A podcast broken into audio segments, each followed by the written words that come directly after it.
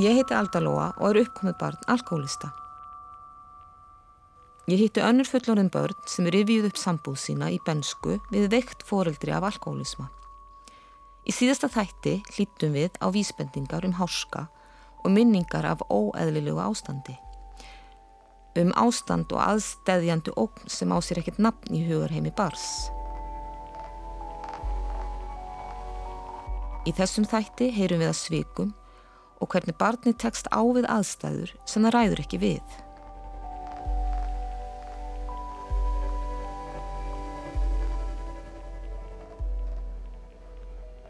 ég var eins og með pappa var á sunnudegi og hérna áttum heim á Ránakotunni og, og við vorum að lappa nýri bæ ég hef verið svona 34 ára og að fóna á ákveðn hátegisbar og við erum samt að lappa heim, ég mann það og við erum í fysirsundinu og þar hittir hann annan mann og þá segir hann mér að lappa bara einum heim. Hann ætla að fara áttur nýra með mannum og ég mani þetta alltaf ennþá sko hvað mér, þú veist mér fannst það bara yfirgefa með hann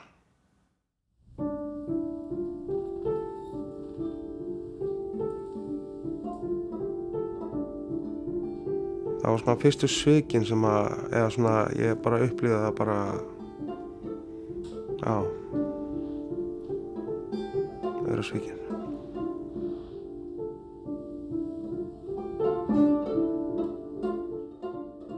Já, pappi bjóð stokkseri eitthvað tíma. Og ég og sýsti mín fórum og heimsóttum hann við ætlum að vera hjá hann bara um nóttina eitthvað svona. Og hvað ég, kannski var ég 12 eða 13 ára, ég var jörglega 13 ára. Og við svona, fórum að taka eftir því um kvöldi að hann var svona, svona meira og meira svona, svona tipsy og svo hérna laumaðist, eða svona kýtti sýsti mín inn í hérna vinnuherbyggi til hans eitthvað, bara svona til að svona tjekka á þessu og tók eftir að hann var eitthvað svona að stelast til þess að fá sér rauðvin og hún var alveg ótrúlega reið og, og skammaðan og, og eitthvað, þetta var alveg rosalegt reyðurildi og, og hérna og að hann var bara geðveikur og mætti ekki að vera að drekka. Og hann var svo reyður og hann, hann sagði okkur bara að drölla okkur út. Hann að við kýrðum í bæinn bara meðanótt um eitthvað svona sýsti mín gráðandi og eitthvað svona. En að ég veit ekki, mér líður líð bara ótrúlega mikið þess að ég hef bara alltaf verið ótrúlega bara eitthvað svona það dofin, já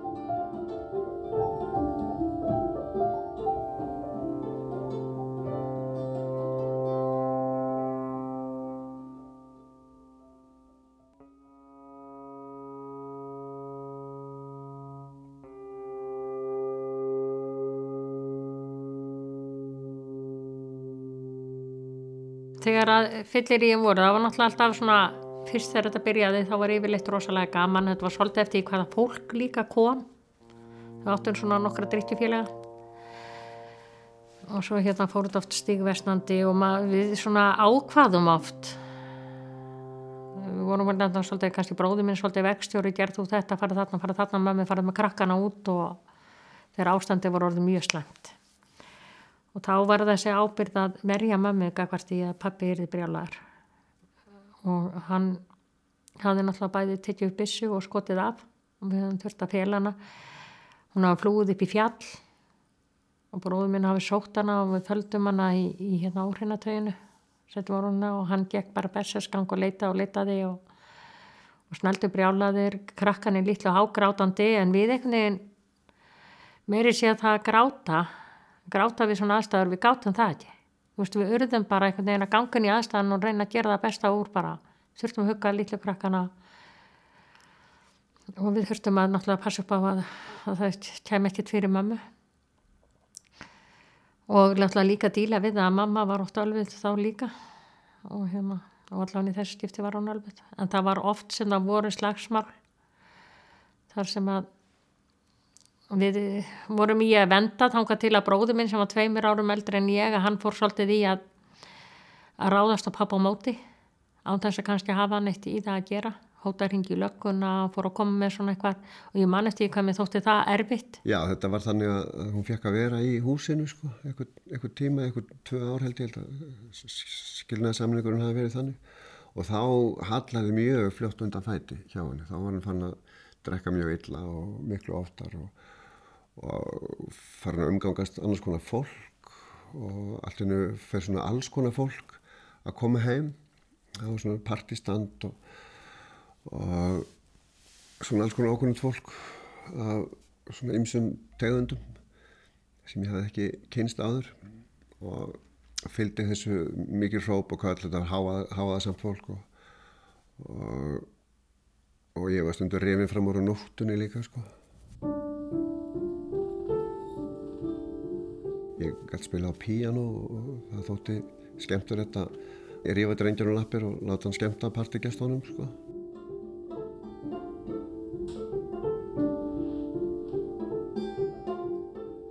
Ég er eiginlega, gæti hugsað mér að segja frá einu atbyrði. Svona, þá er ég líklega 16-17 ára. Jú, ég get alveg sagt frá því.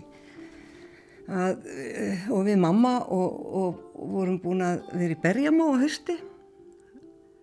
Vorum búin að týna mikið að alblápurum og, og sitjum inn í eldúsum kvöldið, pappi úti, búin að vera úti. Og sittum við um að reynsa bláber og sulta. Þegar við heyrum hann kemur inn og ég man að ég stend upp og lapp út Reldursson og Hilssonu fallega og bara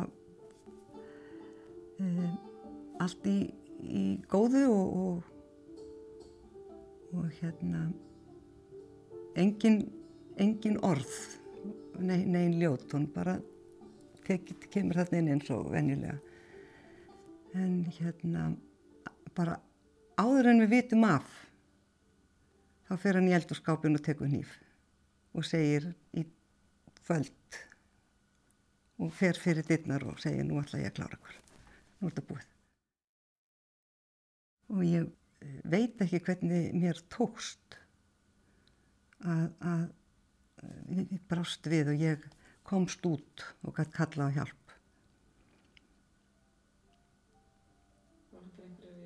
Það veitir við það bara, bara einhverjum, al, al, já, bara algjör geðviki, bara gripið hann þarna á þessu augnabliki.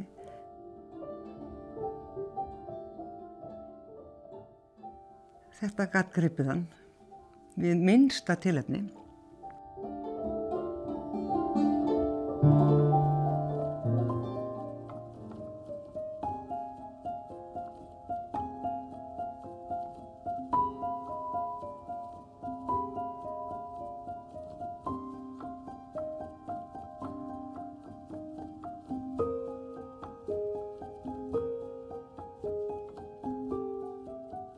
Man ofta eftir því líka sem ég fannst rosalega sár ábyrð þegar það voru að koma fullir kallar heim með, með þeim á fyllir í og þau voru full og þurfa að, að setja krakkan inn í herbyggi og setja fyrir til þess að losa þess að þeir fari bara ekki í bönnin og þetta var umurlegt að vita ekki hvort að manni tækist það eða tækist það ekki.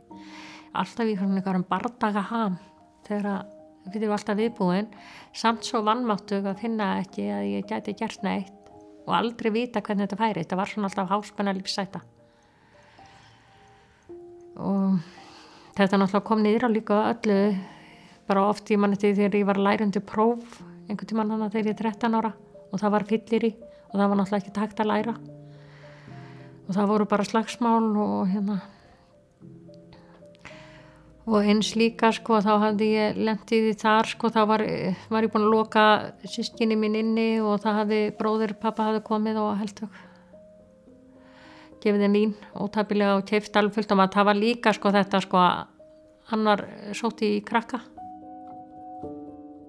Og hérna og hann kom með vín og kom með fullt af að gjöfum og, og hérna og þetta var rosalega sárt að sjá að þau eftir hann alltaf inn aftur þráttur við varum að reyna verið skegði og hann réðist einu sinna á mig sko ég barðist svona baráttu. Hann komst ekki inn til krakkana og í reyði sinni ætlaði hann að nauka mér.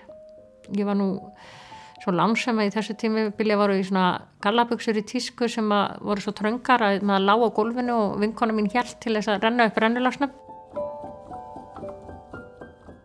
hann réðist á mig og það voru svona svívirðingar sem hann og svívirðilegt orðabragð og annað sem hann átti fram með mig og ég var, ég var svo hissa á því að ég held að ég myndi þarna 13-14 ála að geta ráðið við fullarum mann á 30 aldri bræði mín er komið heim og dróðan ofan að mér og hendanum út.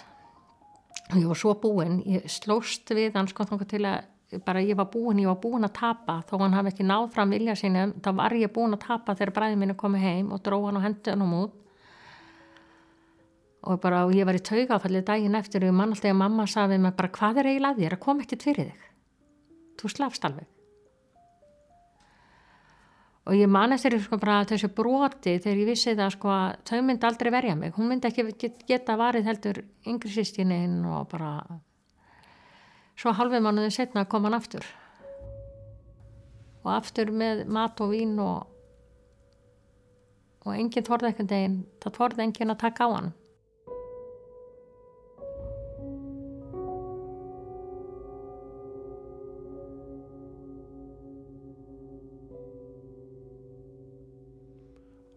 óttin var, var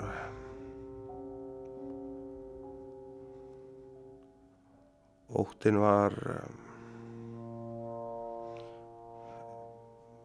kannski ekki ó, ótti, þetta var svona ótti og kvíði.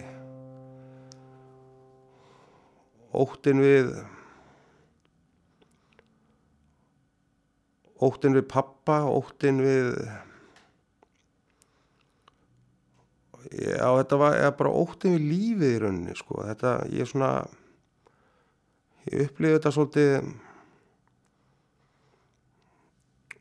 sérstaklega, sko, eftir við fluttum út, þá, það var svona land sem voru til mörg tungumáli, ég átti erfitt með að fóta mig, ég átti erfitt með að læra í skóla. Og voru mjög stranga reglur, ég var alltaf, það var alltaf mjög mikil ótti og kvíði mér að fara í skólan og svo var mikill ótt og kvíði mér bara að, að hérna það, mér fannst ekki skilningur á því heima fyrir og hérna ég var alltaf kvíðin við sko að standa, þurfa að standa fyrir málu mínu heima skakvar því hvernig ég var í skóla. Og hérna og svo var ég náttúrulega var óttin mjög mikill bara líka fyrir helgónum hvernig helgin er þið og hérna í hvernig ástandi mamma og pappa eruðu þannig að já, eiginlega bara frá því ég var badd var ég bara svona ótti og kvíði í mér. Og það var einhvern veginn svona stöðut sko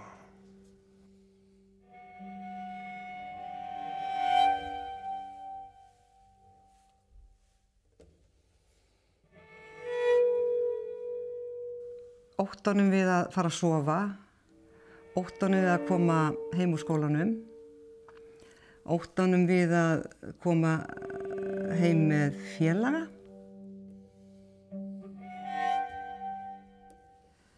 óttanum við að, að það sé búið að skaða einhvern, það er óttin, svo er það reyðin, það er og maður, maður reyðin beindist náttúrulega aðalega að alkonum. Eh, reyðin gæti verið svo sterk að maður óskaði honum óskaðan í burtu út í alheimið og þá gátt maður líka fyrir samvinskupið yfir því að óska sér þess að hann hyrfi. Ég fór eins og sveit og þegar ég las í blæðan að kona hafi veld bíl á einhverju götu í bænum þá og svo komi ættingjar einhver að segja mér að þetta var mamma þannig að mamma var alltaf að koma sér í einhver vandræði. Og þá var ég sveit og trúlega mér fundið sér að þetta verið heim og pass hún hefði ekki farið í bílinn. Ég var náttúrulega með ofur trú á sjálfur mér. Ég var náttúrulega orðin þarna aðsli mátturinn og taldi mig verið svo einu sem geti bjargað þessara kona það var svona tilfinningin. Ég hafði verið svona trúað barn og beðið alltaf bæinu upp um passamum og svona en á þessu tímapunkti því 10-11 ára þá er ég hægt að trúa. Ég hugsa með mér, það er, maður verður bara að bjarga sér sjálfur og maður verður að passa sitt fólk. Það er ekki til neitt annað sem gerir það. Ég vissi alltaf hvað áfengi var inn á heimilinu. Ég, ég vissi það betur en þau. Ég var að hella þessu niður. Ég, var, ég greip til mjög mikill að örþrifar á það. Mér minnir að ég hef verið áttara gamallega eitthvað svo leiðis einu sinni. Þá átti pappi eitthvað erind í Reykjavík og þegar ég er áttar gammal þá var ekkert farið til Reykjavík svona, þetta tveggja og hálstíma rúndur og malavegur eitthvað af, minnir mig þannig er það í minningunni. Og hérna sagt vil fá mig með sér til Reykjavíkur og ég vill helst ekki fara nefn hann lofi því að kaupa ekki áfengi. Og hann kaupa ekki spritt eða kartamútur og hann lofar mér þessu og við förum til Reykjavíkur og planið var alltaf að fara að kaupa franskar, fá ís úr vél og fara í Liverpool og kaupa eitt dót. Og hérna, þú veist, hann var búin að útrytta sitt og, og ég var búin að fá dótum mitt úr Liverpool og ísinn og fransku kartablunar og þetta var allt bara frábært og við vorum konur upp í ártúnsbrekku og þá snýraði við og ég vissi strax hvað var í gangi, ég, alveg á punktinum. Og ég baða hann um að hætta við og ég gerði allt sem að áttar og badd getur gert til að stöða pappa sinni að fara að köpa áfengi. Og minnir hann hafa farið nýra á Lindagutu og e, ég, ég halda honum inn í bílnum. Ég, við vorum á svona hérna, rauðum fólksakam bjöllu ég halda honum ég, þú veist, sagðist alltaf að vera góðu strákur. Ég gerði, ég notaði bara held ég allt sem ég gatt þú veist, ég ég held að örvæntingin hafi algjörlega hýrt öll völd þarna frá þessum litla áttar og gutta sem að var í raun og veru bara berjast fyrir lífið sinu þannig séð.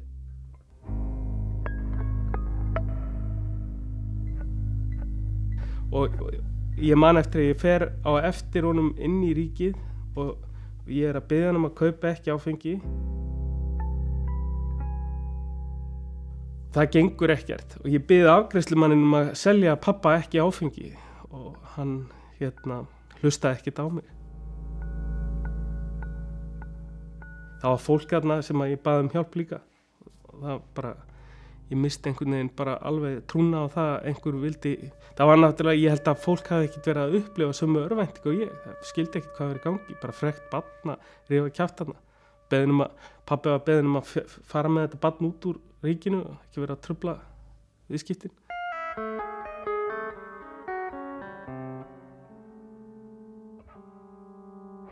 Við heldum að varum fátaka við vorum svo mörg. Það var nú ekkert móðulega mörg á þessum árundan þar sem voru svona stóri sískinópur og ég tengdi fátaktina svolítið mikið við okkur sískin það var líka okkur að kenna að við værum svo mörg En ég taldi einhvern veginn alltaf að ólst upp við að huga að fara áfengi væri meðal við þessu allir. Við fátaktinu og gremjunni, sko, þetta var eins og var leiðilegt fyrir þau að drekka vegna þess ástandi var eins og það var. Ég minnist þess ekki að maður nokkuð tíma fundist ég eiga rétt á því að þau væri til staðar. Ég man ekki eftir neittni tilfinningu í benskuminni að mér hafa fundist til að ég hef verið svikinn rétti mínu með að áttu rétt tilkall til þess að þau væri til staðar fyrir mig ef einhvað kom fyrir í mín lífi. Hann alltaf rýndi alltaf þegar hann var í landi og þegar hann var í glasi. Og þegar ég er, svona, er á hann eldri og unglingu þá nefndi ég aldrei að tala við hann í þegi, þú veist, ég bara nefndi ekki. Og kannski kannski það sviki kannski sem maður hugsa tilbaka okkur ringja hann ekki þegar hann er netrú okkur ringja hann alltaf bara þegar hann er komin í glas og ég man alltaf hvað ég var alltaf vonsiki með það. Og út af því að mér fannst það svo leiðilegu þegar það væri glasið, mér personlega veist, mér var svo leiðilt að hlusta alltaf andalast á þetta sama. Ég vilja að þú veist, kannski eiga einhvern veginn öðru sí öðru sí samband við hann, þú veist, bara þegar hann var edru ég þekkti sjálfur sem vola lítið, þú veist, öðru sí hann í í glasi, sko ég fekk að kynnast honum þegar ég fórum að sjó saman. Fyrsta skiptið í einhvern bara hvað og þá svona kynntist ég hans kallinum öðru leti og þá náttúrulega allt öðru sér karakter heldur hann var þegar hann er landi sko. Eða þú veist miklu meira inn í sig sko. Miklu, meira, miklu lokaðari mm. þó að tengslinn hafi alveg verið og mér tekið mjög væntu um það með líka sko þú veist að hérna. Þó að sko að það var ekki svona eins opinn eins og náttúrulega við vitum öll hvernig áfengi hefur áhrif á fólk að það verður svona einhvern veginn hömlu löst þannig að þarna vekkið svona kynnast kynnast aðeins honum sjálfum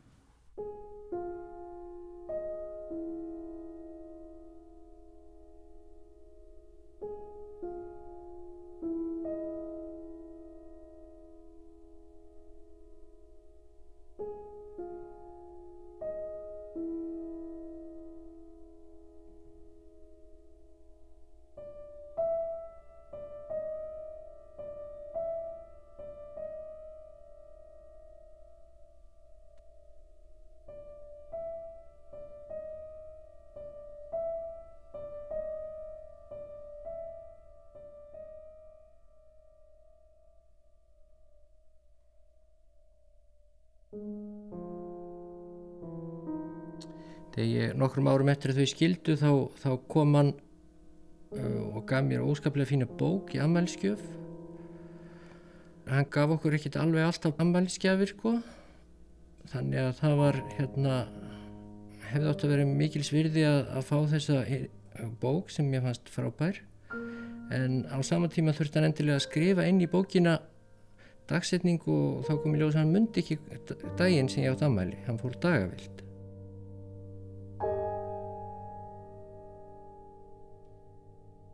Ég hefði aldrei nokkuð tíma sagt pappa nokkuð skapa hlut sem þið gert á heimilinu. Aldrei.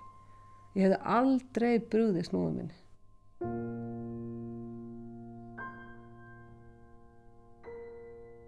Stundum hugsa ég og, eins og ég hafi bara hreinlega dýrkað hana sko. En ég held bara að ég hafi verið svo óbáslega hrættum hana. Ég hafi bara algjörlega verið að venda hana.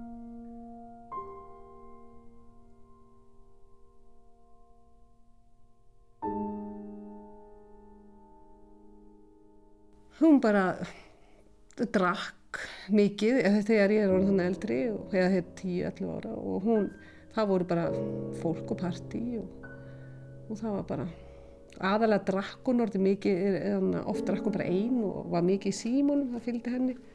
Og hún drakk bara og hún sopnaði bara var út úr drukkin. Það var ekkert örfis það var ekkert að tala við hana þannig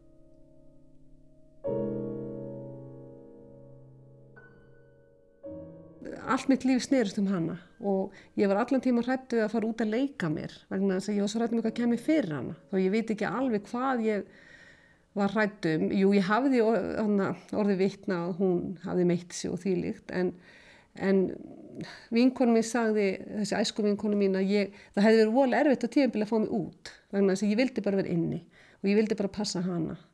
Og ég var alltaf opbáslega hrættu um hana að eitthvað kemur fyrir myndi meiða sig að verða fyrir einhverju. Þannig að, að það var voðalega á tímabili þá einangraði mig opbóstlega mikið manni heim. Þá vildi ég bara vera inni og þegar hún kemur um vinninni hjálpa laga til og vera stilt náttúrulega en að passa upp á að það kem ekkert fyrir hann það var aðalmálið Það var aðalega sem mér fannst ég að vera svikin yfir það var áhuga leysi fóreldra minna begja af öllu, öllu því sem ég var að gera Um, ég var æfði sund, stóð mér vel, en þau voru aldrei á bakkanum að fylgjast með og það var eiginlega ekki spurt þegar ég kom heim hvernig gekk. Ég var alltaf ein í þessu. Það var engin að spurja rauninni hvernig mér gekk í skólanum. Það náðist aldrei þangað, hugsunin. Þannig að, að um, maður kom kannski með gullmetalíu heim og, og það var ekki einn ein alltaf, vá, þúleg, frábært hjá þeir eða enn gaman. Ég man aldrei eftir að neittna við sagt neitt um hvað ég var.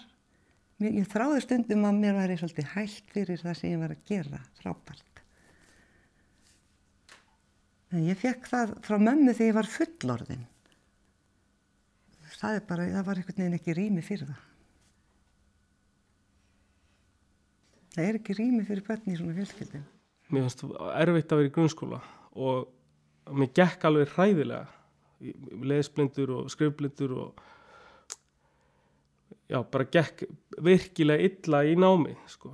og uh, áhuga lítill og, og fólk vissi það vel að þetta, það var ekkit heimskur strákur þarna. Það var alltaf verið að segja mér þú, bara, þú getur þetta vel, þú þarft bara bara einbynda þér og gera þetta. Ég veit að þú getur þetta. Og þú veist, ég var fullur og góðum ásetningi, það bara gerist ekki. En sí, síðan sko, ég man ekki nákvæmlega hvernig þetta er en, en þetta er sem sagt sennilega þegar ég er í áttundabekk, það er næst senasti bekkur í grunnskóla þá, þá var bara upp í níundabekk að sumari fyrir áttu, áttundabekkin að þá þá, þá er pappi á hérna út á sjó á, í, í einhverjum siglingum og hann er ekkert heima. Og mamma hættir að drekka þarna snemma um sumarið og það var ekkert áfengi á he heimilinu og hún var allt öðruvísi heldur en hún átti að sér að vera sko og var að fara með mér í bíó í Reykjavík fara í heimsókn þangað og þetta var bara rosalega góður tími. Þetta var alveg alveg einstaklega svona afslappað og þægilegt sumar. Sí, síðan var svona kúturinn í skáp sem að var þetta var svona örgulega þrýr og hálfu lítir. Og það var landi alltaf í þessu eða mjög oft. Og ég bendin á það að það er ennþá áfengi í þessu. Og hún segir bara guðmur góður og heldi í niður fyrir fram mig. Aldrei séðan að sko leifa sér að gera neitt svoleiðis. Hún hefði miklu frekar gefið einhverjum þetta eitthvað svoleiðis. Þarna bara heldur hún niður. Og ég man eftir að ég hugsaði ok, hún er sem sagt hægt að drekka. Og ég var alveg samfærið um það. Síðan byrjar skólinn. Og án þess að vera eitthvað að pæli í því hvort að ég væri góður eða slæmur í skóla þá gekk mér bara miklu betur í skólanum þarna uh, fyrir áramót heldur mér að nokkuð tíma gengið áður. Og ég var uh, hérna hæstur eða, eða með þeim hæstu í miðsveitraprófunum í starffræði sem var algjörl út í hötti að ég hef alltaf verið lagstur. Og uh, hérna Tetti heitin vinnu minn að hann hérna hann var alltaf bestur og hann var búið að fúllið við því hvað mér gekk alltaf í norði vel hvað, gerði, hvað þetta var einfalt eitthvað. Og þetta bara leit út fyrir að vera komið.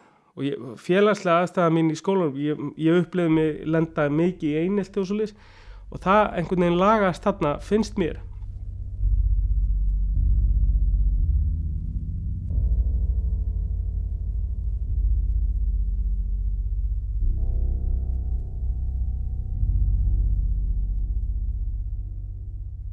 Síðan um áramótin þá kemur pappi úr siglingu með sennilega smigli eða eitthvað. Og hérna mamma dettur í það og það var ekki hugsunum sko hérna nú er allt farið til helvítis eða eitthvað svolítið ég bara fór til hennar og sagði ef þú, þú verður að hætta að drekka aftur að því að annars get ég ekki lært að því að sko geta mín í námi eftir áramót fór alveg neyru úr öllu valdi. Og ég held bara að þau myndi segja já ok, er þetta það? Og þá myndu bara hætta að drekka en þau bara hættu þessari vitlösu þetta kemur þér ekkit við. Og ég, ég bókstala hérna ég trúði því ekki að þau væri svona grimm. Ég upplifði þetta bara sem hreinræktaði grimmt af því að þarna var allt innu ég fann það hvaða var mikill munur að vera, vera svona afslappaður og geta, hafa haft getuna til að læra á svo leiðis svo það bara er því svift frá manni og það, það er eins og maður getur bara farið til við komað að segja, herðu þú er að hætta að drekka aftur og þá fer þetta allt í lag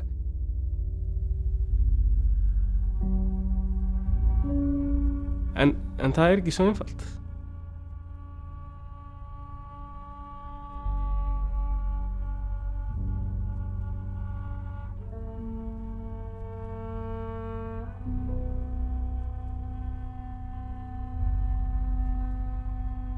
Ég spurði hann einhvern veginn um það, ég sagði af hverju komst aldrei við okkur, af hverju tókst aldrei utan um okkur, hún hafði aldrei huggað mig. Og hún saði bara það týtt ekkert ef maður byrjaði að taka utan um, það var all hinn komin. Þú veist, þetta var allt svo erfitt og ég veit að hún saði það líka, sko, hún á svona samtalaði stundur, hún það oft kom hún á kvöldin og breytti yfir okkur sáum í stóru hjónarúmi, öll í einu hjónarúmi upp á lofti og pappa og mamma neyri svo kom hún og breytti yfir okkur á kvöldin horða á okkur, hugsa á morgum allir ég ætti að vera svona pyrruð og svo komum við hlaupandinu í stígan daginn eftir og hún var alveg ekki sitta þarna, fara þarna, láttu þennan vera og þetta var bara kás að vera með allir börn. Ég gefið nú eftir tíði að vera í því sjálf ég var, hafði svona þörf einhvern veginn fyrir viðurkenningu hennar og ást. Ég veit alveg samt innst á bakvið allt hvað hún hefur elskað okkur mikið. Ég hef oft séð það í lífinu. Hún tók alltaf við mér, alveg sama þegar ég var drukkin alveg sama hvað ég gerði, hún tók mér alltaf heim. En hún sagði það aldrei. Og ég hafði svona þörf einhvern veginn að fá einhverja viðurkenningu, ég vildi fá einhvern bara, það var eins og krist að þurra góltöskuð eitthvað, hún var bara þurra og ég, ég gerði allt við hana einhvern veginn þessa viðurkenningu og ég vildi meina að hún ætti eitthvað uppáhaldspann á allum barnarnu sínum hver var uppáhaldspannin stundu var ég að stríða henni á því. Hún vildi aldrei viðurkenna og svo sagði mér það einu sinni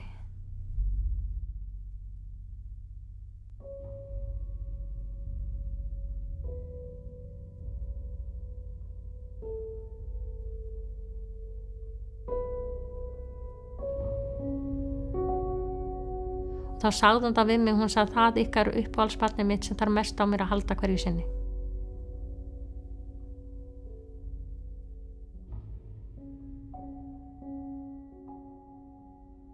Þegar hann var nýkominn heim og við krakkinu vorum alltaf rosalega spennt.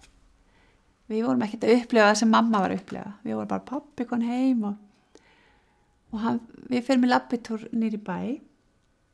Hún er á höfn og þá hittir að mann með brúna boka og hverfur. Þetta kom fyrir nokkur skipti og það endaði með því eitt skipti þá, þá bara hverfur hann og, og löggan tekur mig, skilur. Og ég vissi ekki eins og hvað ég ætti heima. Ég kunni en, enga íslensku og þeir keirði með mig um Reykjavík svona klukkutíma þannig til ég fann húsið mitt og sagði að þarna ætti ég heima og hljópar inn og sagði enga frá þess að ég skammast mér svo fyrir þetta þetta var náttúrulega rosa svig þegar pappi manns ætlaði að fara með manni í bæ og, og gera eitthvað skemmtilt með manni og svo bara hittar hann eitthvað dróna og fer með hann Jú, þetta voru svig þetta var ég með pappa upp á einhverjum svona stalli, ég leiti ótrúlega mikið upp til hans og við vorum ótrúlega góðið vinnir og hann var alltaf mjög góðið við mig. En svo, þú veist, þegar kom að því að, að hérna að hann reyði ekki við aðstæður eða hann misti stjórnarskapi sínu. Eða veist, hvaða var sem kom upp að þú veist, auðvitað upplifi það sem svona vonbreyði og, og kannski svolítið svik. Einn jólin sem að sýsti mín að koma í heimsókn með barni sitt, ég hef verið trúlega 12 ára að hún skildi byrja að drekka sennibartin. Ég man að ég tók af henni flöskuna og falda hana og hún var rosalega reið og bara fyrst leið og svo reið og endur hún fekk hún flöskuna hjá mér. Ég átti vola erður með að skilja hvernig gat hún eðilagt aðfangundaskvöld. Ég skildi það ekki. Og mér fannst þetta, ég var ofsalega reið, mér fannst það mikið sig því að sýstiminn kom og fór strax. Sá að það var ekki hægt að vera af hana. En Pappi var líka sjónu þá, hann var ekki heima. Mér fannst það vola, mér fannst það vola mikið sem ég fór inn í herbyggi og vorkendi mér rosalega með jólegjöfuna og akk fyrir létum flöskunar á það. Akk fyrir er flaska mikilvægari heldur en ég. Það fannst mér svolítið sík.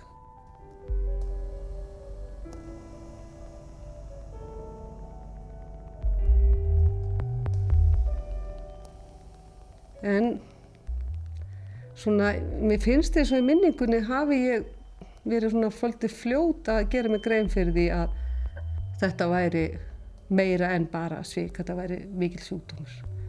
Því ég hugsaði mjög fljótlega, ekki myndi ég vilja vera hennar spórum, ekki myndi ég vilja sitta að hana.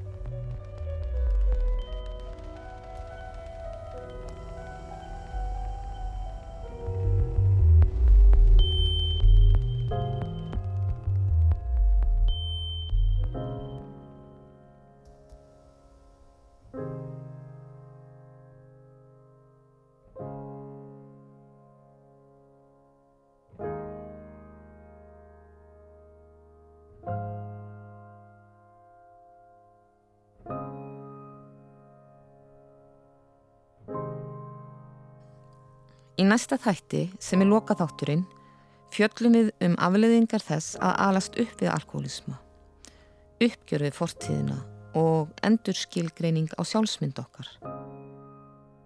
Hvernig við tökust á við lífið sem fullornir einstaklingar.